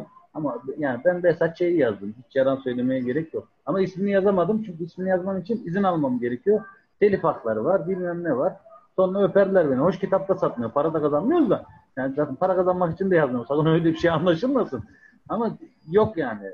Şey de yok. Gerek de yok artık. Yani Behzat Ç'ye de gerek yok artık. Bir de Behzat Ç. karakteri bizde diziyle özdeşleşti. Evet. Kitap, kitabı okuyan çok azdır dizi izleyenlere oranla. Ve kitap dizinin o yani yarısı kadar bile başarılı değil. Onu da söyleyeyim. Hem edebi açıdan hem yani o Behzat Ç. dizisi o diziyi yapan işte senaryosunu yazan, kurgusunu hazırlayan ve tabii Erdal oldu. evet. Senaryo dediğim hani şey diyorlar ya ekrana uyarlamasını yapan. Çünkü Behzat Ç'nin normalde o kitabı oku, okumuşsundur sen Doruk. Yani Tabii tabii ben diziden çok önce okudum zaten. okununca görünüyor ki yani o karakter öyle bir şey değil aslında. Değil, Beşiktaş'ın oynadığı bir gibi değil. Yani daha böyle ton ton bir amca gibi Behzat Ç. Ben, karakter. ben inan inan o dizi çekileceğini duyduğumda Erdan Can var ya Ha, Erkan Can. Erkan Can Erkan Can Erkan Can'ı öyle hep kafamda şey yapmışımdır. Daha Erkan- uygun, daha yaşlı. Doğru. Ha, ha. Erkan Can'ı düşünüyorum, daha uyumlu olurmuş evet. Ama işte Erdal abi de Erdal abi çok güzel bir adam ya. Yani onunla bir duble rakı içemedim. Hayatımdaki en büyük eksikliğim o ya. İnşallah bir gün tanışırım kendisiyle. Yani gerçekten çok seviyorum. Ya onun bir de şeyini izledim ben.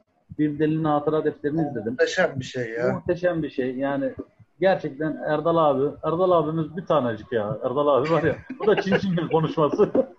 Erdal abi, Erdal abi bir tane ya. Bu şeyi yapmıştın bana bir buluştuğumuzda. Bedir, Bedir. Allah belanı versin. Bedir. Bedir, Bedir. Kitapta geçen bir şey değil mi cümle evet. Ha, Be- Bedir, Bedir işte çok güzel bir abimiz ya. Bedir, Bedir beni programa kadar getirdiler. Bedir. Şey e, peki benim en çok aslında etkilen- etkilendiğim karakter kitapta şey. Neydi o? Şekko. Ha. Şekko, Hamit. Hamit, Hamit, diyorsun. Hamit. Ha, Ya işte Aynen. Hamit e, 98 olması lazım. 98'de öldü. Hamit nasıl bir adamdı biliyor musun? Bence hayatınızda tanışabileceğiniz en kral adamdı. Hamit gerçekten kitapta anlattığım gibi hikayesi var. İşte bir kızı seviyor. Kızı vermiyorlar. O ara askere gidiyor. Geliyor. Kızı başkasıyla evlendirmişler. Hani toplumda söylerler ya kara sevda diye bir şey. Ve gerçekten var bu kara sevda. Ondan sonra bir daha kendine gelemiyor. Ve Hamit çok zengin bir ailenin çocuğuydu işte. Ailesi Avrupa'da. Sabah giydiriyorlardı Hamit takım elbise. Sıfır takım elbise giyiyordu. Sab- akşam olduğunda Hamit donlaydı. Cidden donla geziyor için içinde. Yani şarap almak için ceketi veriyor. Pantolonunu veriyor. Kemerini veriyor. İçiyor içiyor. Yani çok muhteşem. Bir de sesi de çok güzeldi. Başladı o kendi kendine. İbrahim Tatlıses'ten söylerdi. Bir de şeyden Seyfi Doğanay, Azer Bülbül. Azer Bülbül meşhur değildi. Kimse bilmiyordu. Çin içinde bütün mekanlarda Azer Bülbül çalıyordu. Titreyen adam diye. Bir de onun adını koymuşlardı Titreyen adam diye. Ta o zamanlar ki şey bilmiyordu. Hamit ve böyle kömürlükte buldular onun cesedini maalesef. İşte o gün çok içmiş. Dönememiş. Annesi de o dönemler artık yaşlanmıştı. Şeydi. bulamamışlar yani. Normalde bulurlardı. Sokakta yatardı. Biri bulurdu götürdü evine. Bizim mahallede şey mesela Çin Çin'in size bir özelliğini söyleyeyim. Bütün haberleri tabii Çin Çin'de her türlü pislik vardır. Bir tane tecavüz olayı duyamazsınız. Yoktur. Tecavüz olayı kesinlikle yoktur. Kadına çok ciddi saygı vardır. Bize biz hayatımızda daha yani çocukluktan itibaren ilk öğretilen şey kadınlara saygıdır.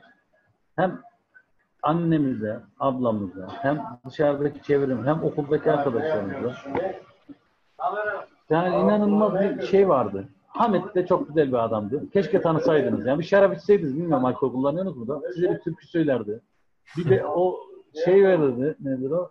O işte bir yazdım ya şey var. Hamit bir gün bizim Ahmet abi diyor ki nedir o? Ya dedi 5 lira versene. Ahmet abi de hayatta kimseye parasını vermeyen bir adam.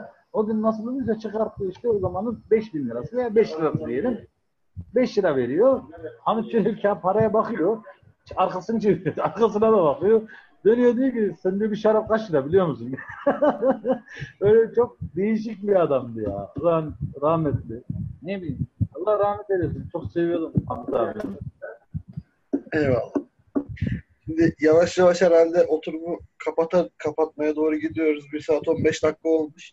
Çok da uzatmayalım derim ben. Ya Ee, şimdi, soru filan yok mu? Hiç kimse bir şey sormamış mı? Valla e, ben de anlamadım. Benim- Bu, bu sefer biraz şey e, Yalan geçti. Ramazan'dan da- Yalan değil. E, millet oruçtan mı nedir?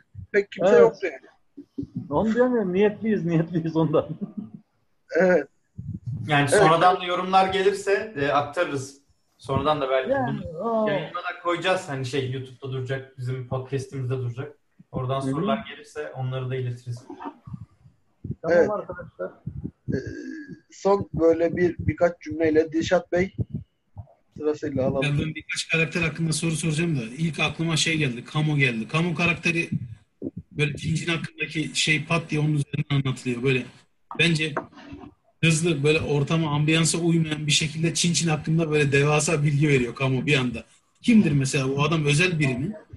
Ee, Mustafa Kemal benim dayımdı. Mustafa Kemal Atatürk. O da işte birkaç sene evvel öldü. İşte hani bu çalıyor falan ya. Dayım öyle bir adamdı ama tam anlattığım gibi bir adamdı. Yani benim için çok seviyordu. Gitmemden geliyordu. Çok da kaliteli bir insandı. Ama maalesef işte genç, çok genç yaşta alkol hayatını kaybetti. Siroz mu mi? Öyle bir nedenle hayatını kaybetti. Dayım ama tam anlattığım gibi adamdı. Bir de şöyle bir şey var. Hiç yap. Polisiye romanlarda böyle çevreyi hani, e, aslında şey ölü doğanlar tam bir polisiye de sayılmıyor. Tamam mı? Kurgu polisi ama ben orada bir mahalleyi anlatıyorum. Bir hayatı anlatmaya çalışıyorum. Oradaki insanları anlatmaya çalışıyorum. ki O polisiye yani sürekli polisiye okuyan arkadaşlar da ilk kitap okuduklarında şunu söylediler. Ya bu tam polisiye diyemeyiz. İşte bu biraz daha böyle mahalle romanı gibi bir şey olmuş. Evet. Gerçekten de öyle. Ben o mahalleyi yazmaya çalıştım. O mahallenin şeyine gerçekten polisiye romanda senin dediğin gibi işte mahalleyi bir kere de anlatıp geçiyoruz ya böyle şeye yayamazsın. Çevreye yaymaktan ziyade şunu yap yaptım ben. İlk başta bir anlasın hem dayıma ben dayımı çok seviyordum hem de e, şeye uysun, formata uysun. Yani bir de şöyle bir şey var şimdi. Eren hatırlar mı bilmiyorum. Ben bu romanı defalarca yazdım. Yazıyorum sonra düzeltiyorum, yazıyorum sonra düzeltiyorum. Yani şey, tam kurguyu oturtabilmek, formata uydurma falan gerçekten sıkıntılı işler. Bir, belli bir zaman sonra sıkılıyorum da. Ben öyle aman aman çok süper bir yazar değilim. Bazısı anlatıyor işte. Başlıyorum diyor yazmaya yazıyorum. Yok kardeş ben yazamıyorum açık söyleyeyim. Ya ben kafam almıyor. Bak iki senedir devam kitabını bitiremiyorum. Her şey kafamda ama almıyor yani. Bir belli zaman sonra sıkılıyorum da. Üzülüyorum da ne bileyim farklı şeyler yaşıyorum yani. Evet. Ama dayım şuydu. Yani dayım tam anlattığım gibi bir adamdı. Evde esrar yetiştiriyordu saksıda ama onu şey yapmıyordu. Hiç geliyordu, atıyordu sonra yenisini çıkartıyordu. De onu şey değil, benim çiçeğim diye seviyordu. Böyle yapraklarını okşardı. Garip bir adamdı yani öyle. Yani öyle. onunla bir bağın olduğunu anlamıştım. Çünkü böyle biraz daha özel yazılmış diğerlerine göre. Ve onun ağzından daha e, net mesajlar veriyor. Bu kamu kim diye. Bir o kabre sığmaz Muzaffer'e Muzaffer hakkında bazı görüşlerimi Eren'e yazmıştım. Sana da söyleyeyim. Böyle, bu acaba öyle bir karakter miydi? Şimdi sen gerçek olduğunu söylediğin için tekrar sorma ihtiyacı hissediyorum. Yani sosyoekonomik durumundan böyle daha yüksekte cümleler paylaşıyor, e, söylüyor. E, yani şimdi insan mezarcıdan böyle bir şey tiradı beklemez. Yaşadığı çevrenin böyle bütün dinamiklerini anladığına dair bir belirti veren bir tirat beklemez ama bu adam atıyor, tirat atıyor böyle bayağı bildiğin. Konuşuyor. E, bakıyorum mesleğine adam 40 yıldır Cebeci Asri mezarlığında mezarcı. Bir de kötü bir herif yani. işte çocuk mezarı kazıyor vesaire falan. Bu gerçekten böyle bir adam mı? Yok, yok. Öyle bir adam değil. Yani. O cümleleri kuran benim. O değil de şöyle bir şey var. Şimdi Kabre Sığmaz'ın dikkat ettiyseniz romanın son bölümünde ortaya çıkıyor. Finale yakın bir bölümde ortaya çıkıyor. Orada benim işte acemiliğim ortaya çıkıyor. Ben olaydan kopmuşum artık. Kabre Sığmaz'ın o cümleleri kurmaması gerektiğini aslında kurar. Öyle kurmaz. Farklı şekilde anlatması lazım derdini.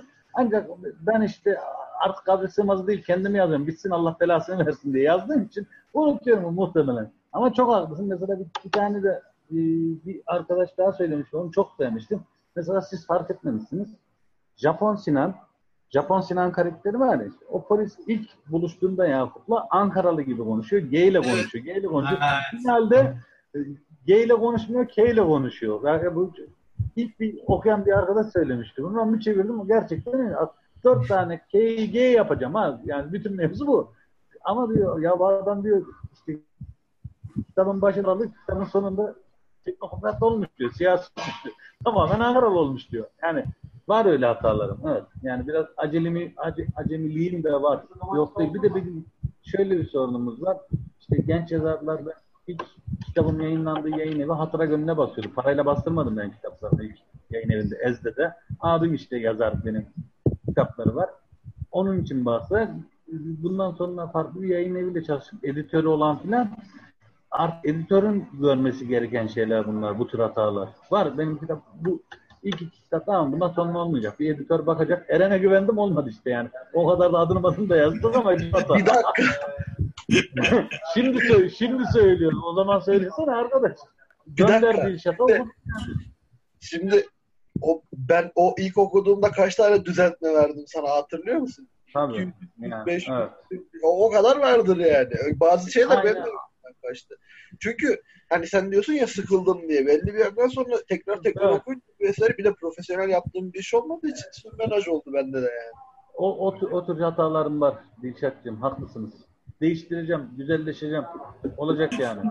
Ya estağfurullah.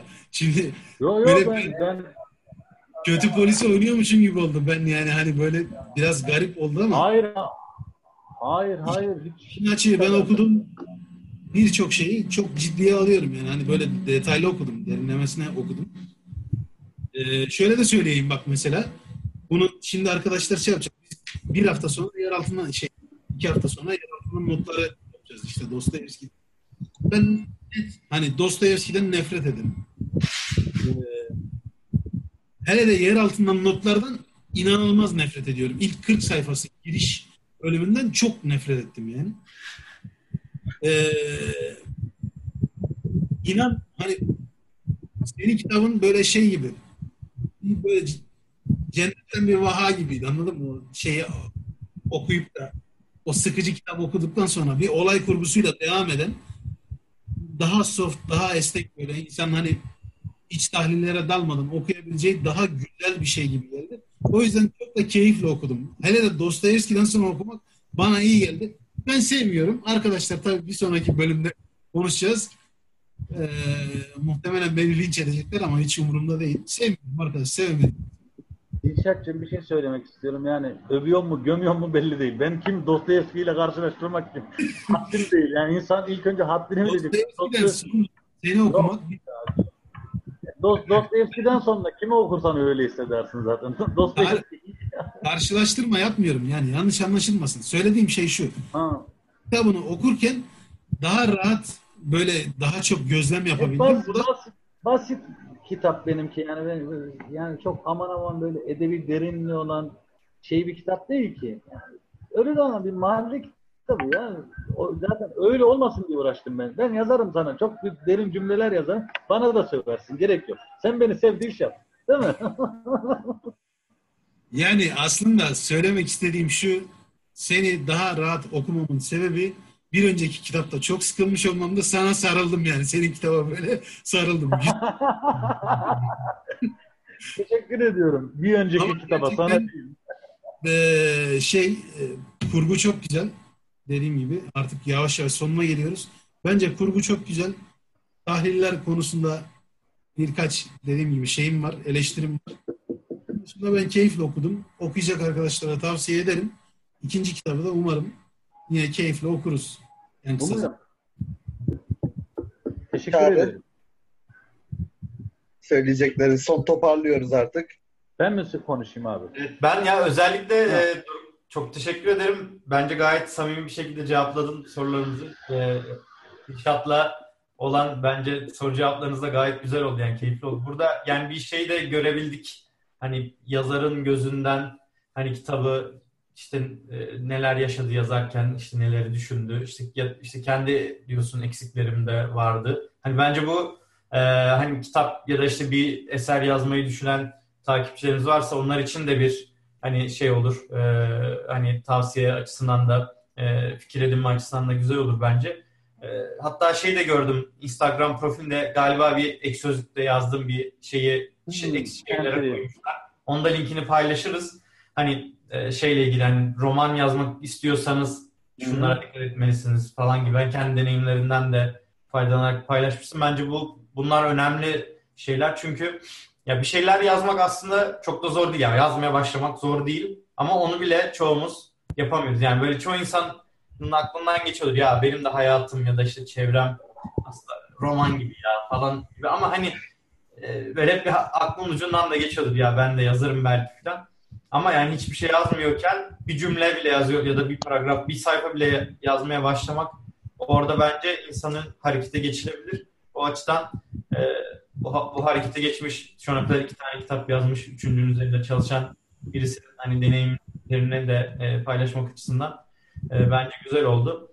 E, kitapta ben de aynı şekilde e, özellikle başlarında benim için gayet akıcı gitti. Sonlara doğru işte biraz benim de şey oldu yani böyle işte isimler falan birbirine karıştı ama e, orada da şey kurtardı beni biraz. Hani tekrar ediyordu yani çünkü atıyorum komiser kendi içinde bir değerlendirirken okuyorsun bir kısmından. Ondan sonra komiserin keşfettiklerini işte onun yardımcısı ya da işte başka birimdeki bir komiser ya da işte başka bir suçlunun gözünden dinlerken tekrardan pekişiyor falan. Öyle öyle hani açıkları kapata kapata belki A ismiyle B ismi kafada karışabiliyordu ama genel kurguyu çok kaybetmeden hani karakterleri çok kaybetmeden ilerleyebildim. Benim işte en çok gözüme batan şey olmuştu böyle bazı yerlerde çok böyle iddialı cümleler vardı işte ya şimdi konuşacaktı ya da sonsuza kadar susacaktı falan gibi yerler vardı. Onlar mesela benim biraz gözüme batmıştı. O da benim biraz yani kişisel şeyimden dolayı galiba. Ben genelde çok kesin konuşmayı da seven bir insan değilim. O yüzden bana battı muhtemelen. Ee, ama onun dışında hani genel olarak ben e, keyifli okudum ve özellikle bu işte karakterler çok güzeldi, çok değerliydi benim için. Yani Ankara'yı, Ankara'nın hiç bilmediğim bir yüzünü de tanımış oldum yani bu vesileyle. Ee, bu açıdan da teşekkür ederim. Ee, bir sonraki kitabımda e, inşallah e, yazdığında okur tekrardan seni konuk alıp e, konuşma fırsatımız olur. Teşekkürler Çağrı. Evet Doruk e, söylemek istediklerin, aktarmak istediklerin Ha, şöyle son olarak kısa- varsa kısaca fazla zamanınızı almadan ilk önce ben e, her üçünüze de çok teşekkür edeceğim. Varsa diğer katılımcılarınız Telegram grubunda kitabı okuma zahmetine katılan herkese çok teşekkür ediyorum. Şöyle söyleyeyim yani yazma süreciyle ilgili Çağrı bir şeyler söyledi işte yazmam ama yazmak çok zor iş başkan. Disiplin istiyor, kafa istiyor, bir ton şey istiyor. Hiç tavsiye etmem. Bu ülkede başka binlerce şey yaparak yani mutlu olursun. Yazmak en son yapılacak iş. Gerçekten bak. Yani tavsiye etmem kimseye. Yazan arkadaşlarım var. Hiç de mutlu değiller. Hala ünlü olmayı bekliyorlar. Birinin elinden tutuyor biraz zannediyorlar. Ama öyle değil. Yani sonra şunu söylemek istiyorum. Yani e, yaptığınız eleştiriler, söylediğiniz her şey gerçekten benim için çok kıymetli. Bazılarını daha önceden de sıklıkla duydum, bazılarını ilk kez duydum. Benim için de çok önemli. Ve sizin sizin grubunuzda şunu söylemek istiyorum. Şunu hatırlatmak istiyorum aslında insanlara. Siz de bunu çok yapıyorsunuz. Daha önce baktığım kitaplarınıza ilk Türk yazar ben miyim okudunuz? Evet. Terbiyesiz misiniz siz? Siz neden Türk yazarlara şeyi vermiyorsunuz? Bunu ciddi söylüyorum. Şöyle bir sorun var. Ülkemizde zaten yayın piyasası falan e, çok kötü durumda. İnsanlar yani yeni genç yazarlar kitapların okunmasında çok ciddi sıkıntı yaşıyorlar. Kendilerini duyurmakta çok sıkıntı yaşıyorlar. Dostoyevski babam da okudu. Benim babam ilkokul mezunu. Ciddi söylüyorum. Dostoyevski herkes okur. Bırakın bu Dostoyevski, Dostoyevski işlerini. Cidden genç insanlar okuyor. Herkes maruz kalıyor Dostoyevski. Herkes maruz kalmamalı. Yani herkes yani farklı farklı şeyler yapın yani.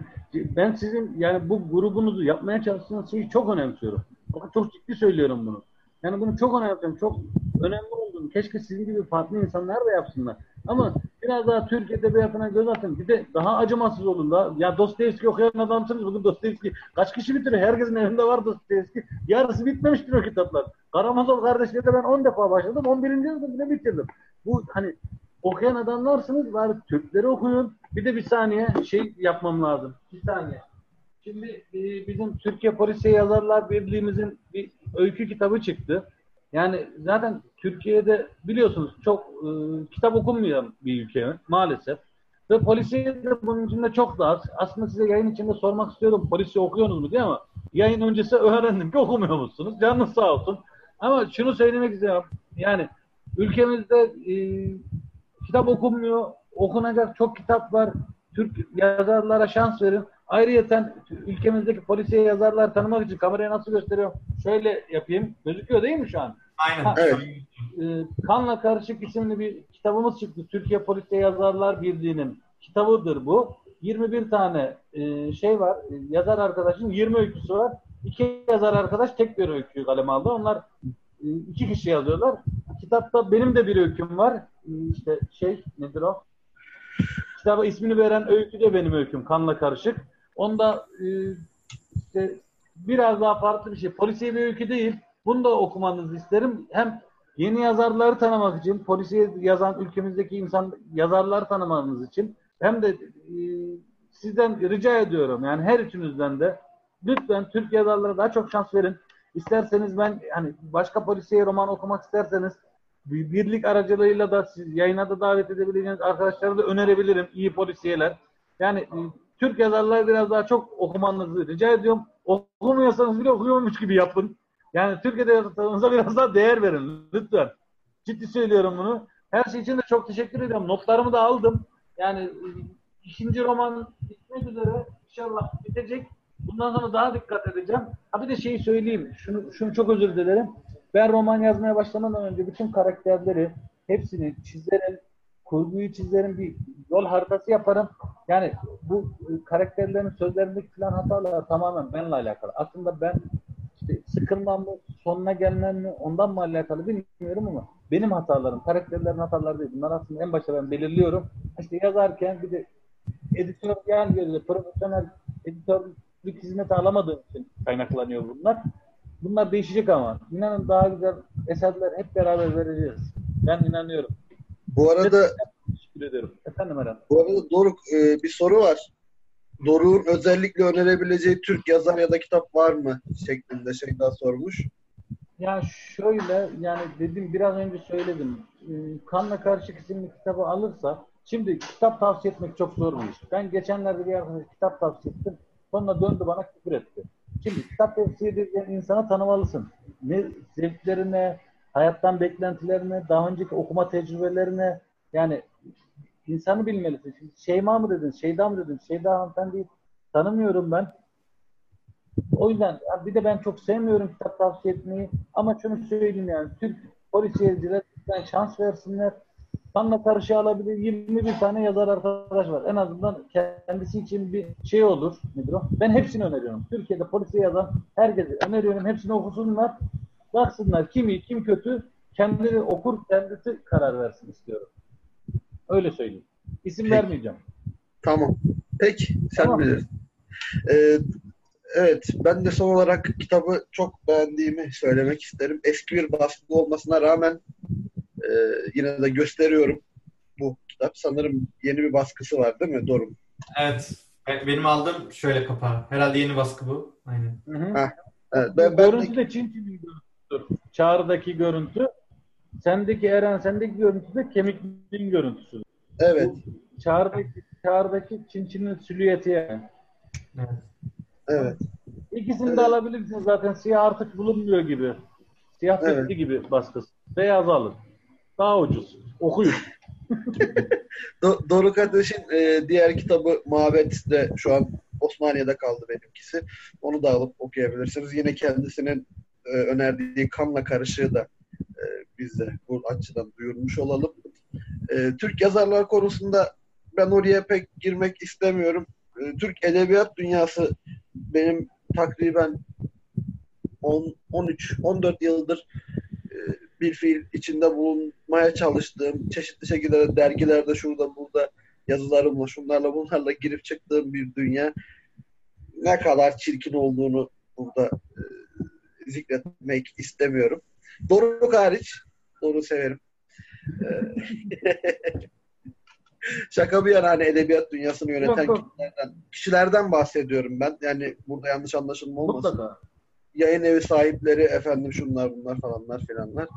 Ee, onun haricinde e, Dora çok çok çok teşekkür ediyoruz buraya kadar yani e, Ben ben ben sizlere teşekkür ediyorum arkadaşlar. Gerçekten çok teşekkür ediyorum.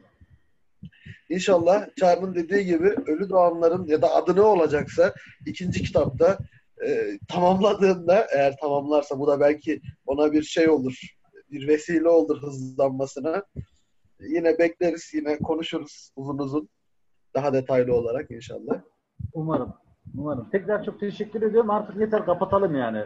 Tamam. Çok Birbirimize teşekkür ettik karşılıklı yeter. Tamam. Kapat beni. Al ekrandan. Hadi. Hepinizi öpüyorum. Görüşmek üzere. İyi bakın kendinize. Teşekkürler Hadi arkadaşlar. Ee, bir sonraki bölümümüzde e, görüşmek üzere. Bu arada ben şey de araya hemen gireyim. Yani Türk yazarlar konusu ve aslında öyle direkt yazar konu kalma konusu en başından beri bizim e, gündemimizde olan bir şey de biz hani bu işte canlı yayın deneyimini işte bir düzenimize oturtalım ondan sonra olsun diye bizim için de aslında ilk konuk yazarımız e, olmuş oldu. Bu da bizim için önemli bir deneyim oldu. Bundan sonrasında da bunu daha çok daha sık yapmayı istiyoruz aslında. Bu da bize e, şu an hayatta olan yazar Türk yazarları konuk alıp kitaplarını e, konuşmaya yönelik bir bize bir başlangıç olmuş olacak aslında.